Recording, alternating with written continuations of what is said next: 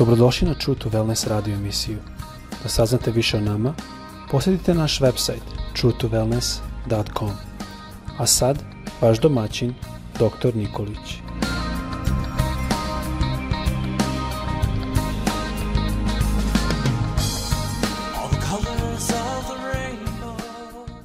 Dragi brate, draga sestro i dragi prijatelji, srdečan pozdrav svima sa željom da vas Bog danas zaštiti u zdravlju i da vam da blagoslov u danu.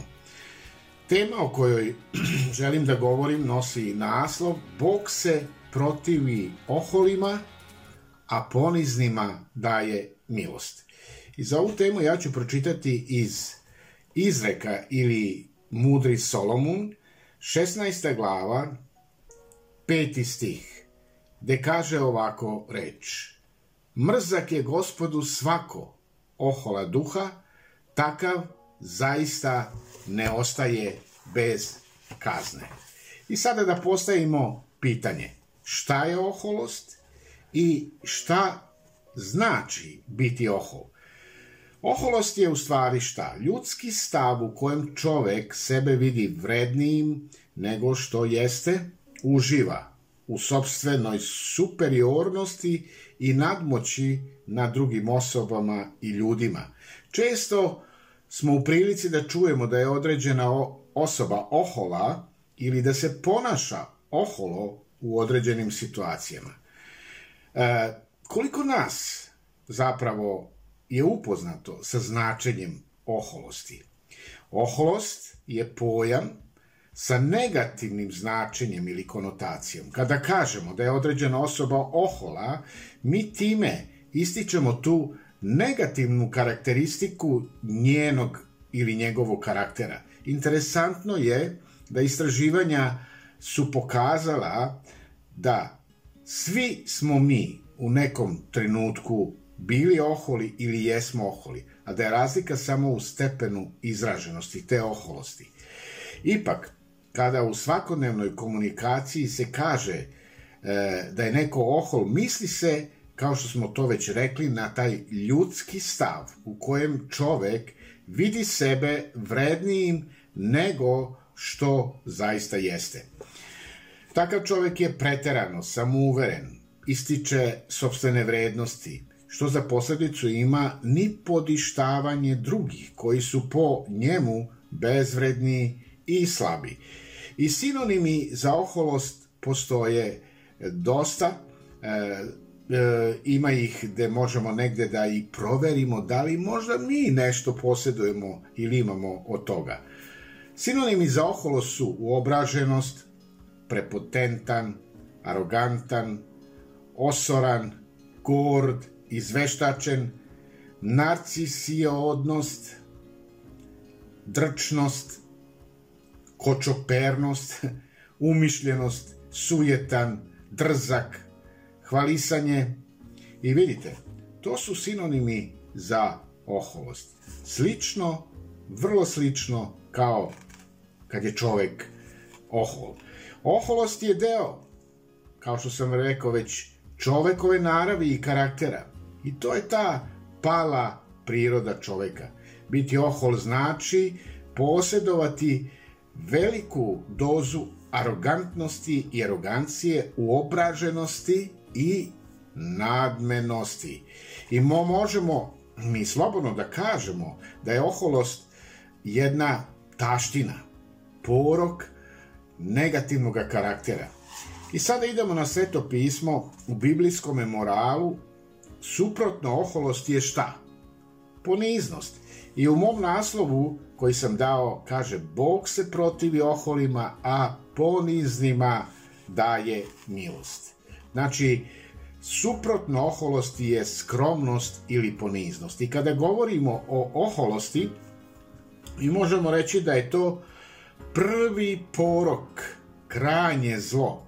I ako bi pravili listu uh, od najvećeg ka manjeg, mi ćemo negde e, razvratnost, ljutnja, lakomstvo, pijanstvo, to bi bilo e, manje zlo. Ali je to greh sigurno u odnosu na, da kažemo, taj e, najvažniji porok koji je greh i koji se zove oholost.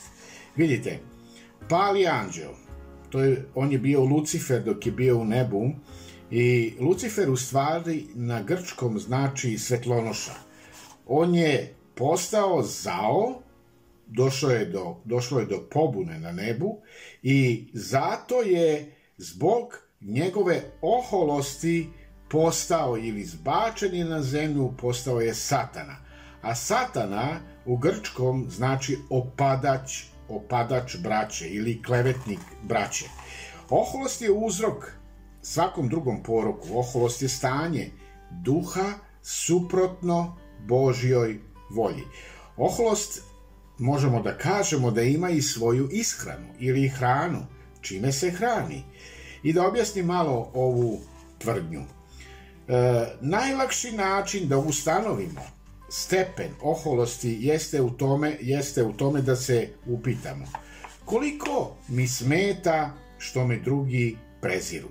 Možemo da postavimo to pitanje. Što me ne primećuje niko? Prema meni se odnosi E, ovaj ili onaj podanički ili starateljski ili što pred predamnom prave se ljudi važni. Stvar je u tome da se naša oholost po znacima navodnika takmiči sa ohološću drugih. I poznato je da ova da oholost u stvari e, živi od tog takmičarskoga duha. E, kada malo razmišljamo o trgovcima, mi možemo da kažemo poznato, poznato je da se dva trgovca nikada ne mogu dogovoriti ili nikada ne mogu složiti.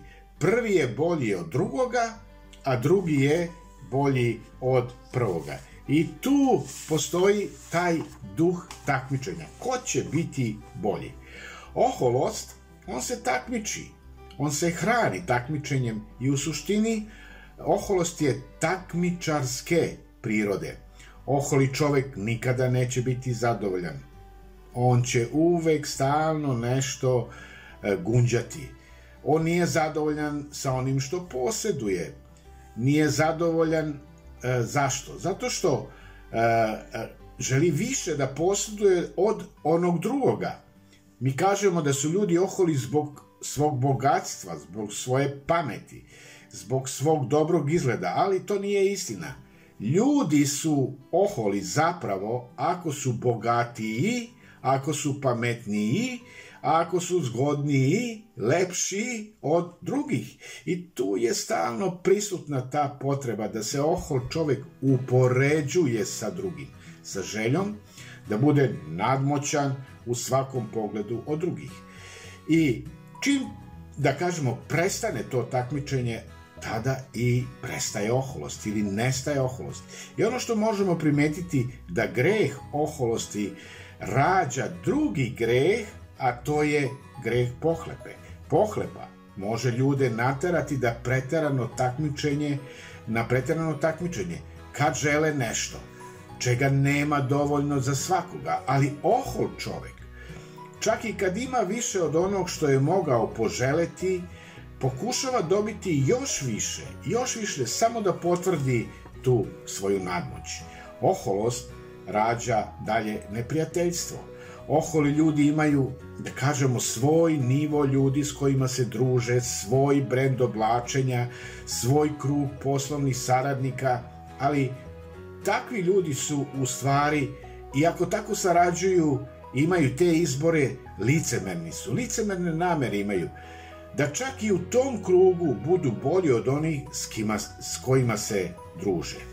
I vidite, da bi mi napravili test i videli da li možda posjedujemo oholost, test bi bio sledeći. Kad god osetim da sam zbog mog duhovnog, superiornog duhovnog života izuzetno dobar, čak bolji od drugih, tada mogu biti siguran da Bog ne upravlja sa mnom, nego oholost upravlja sa mnom.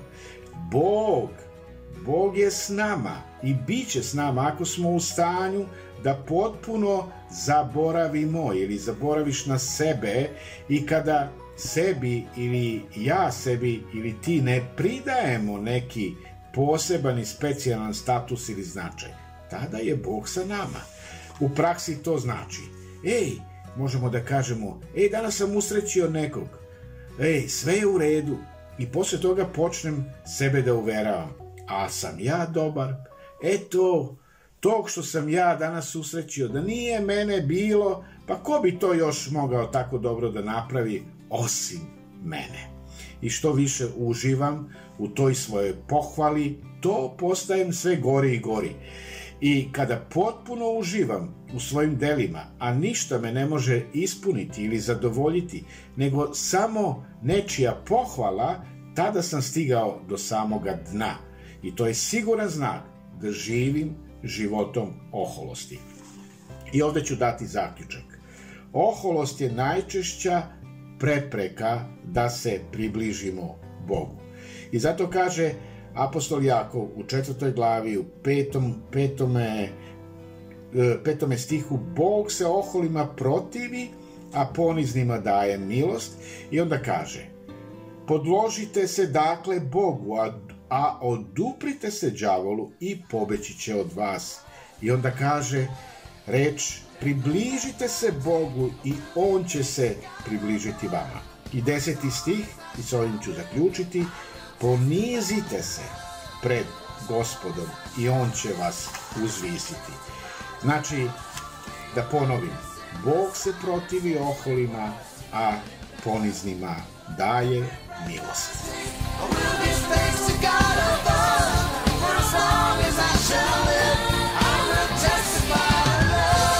Slušate True to Wellness radio emisiju. Pridružite nam se ponovo svaki utorak, četvrtak i subotu. Za kontakt molimo posjetite naš website truetowellness.com. Naša e-mail adresa je info at truetowellness.com.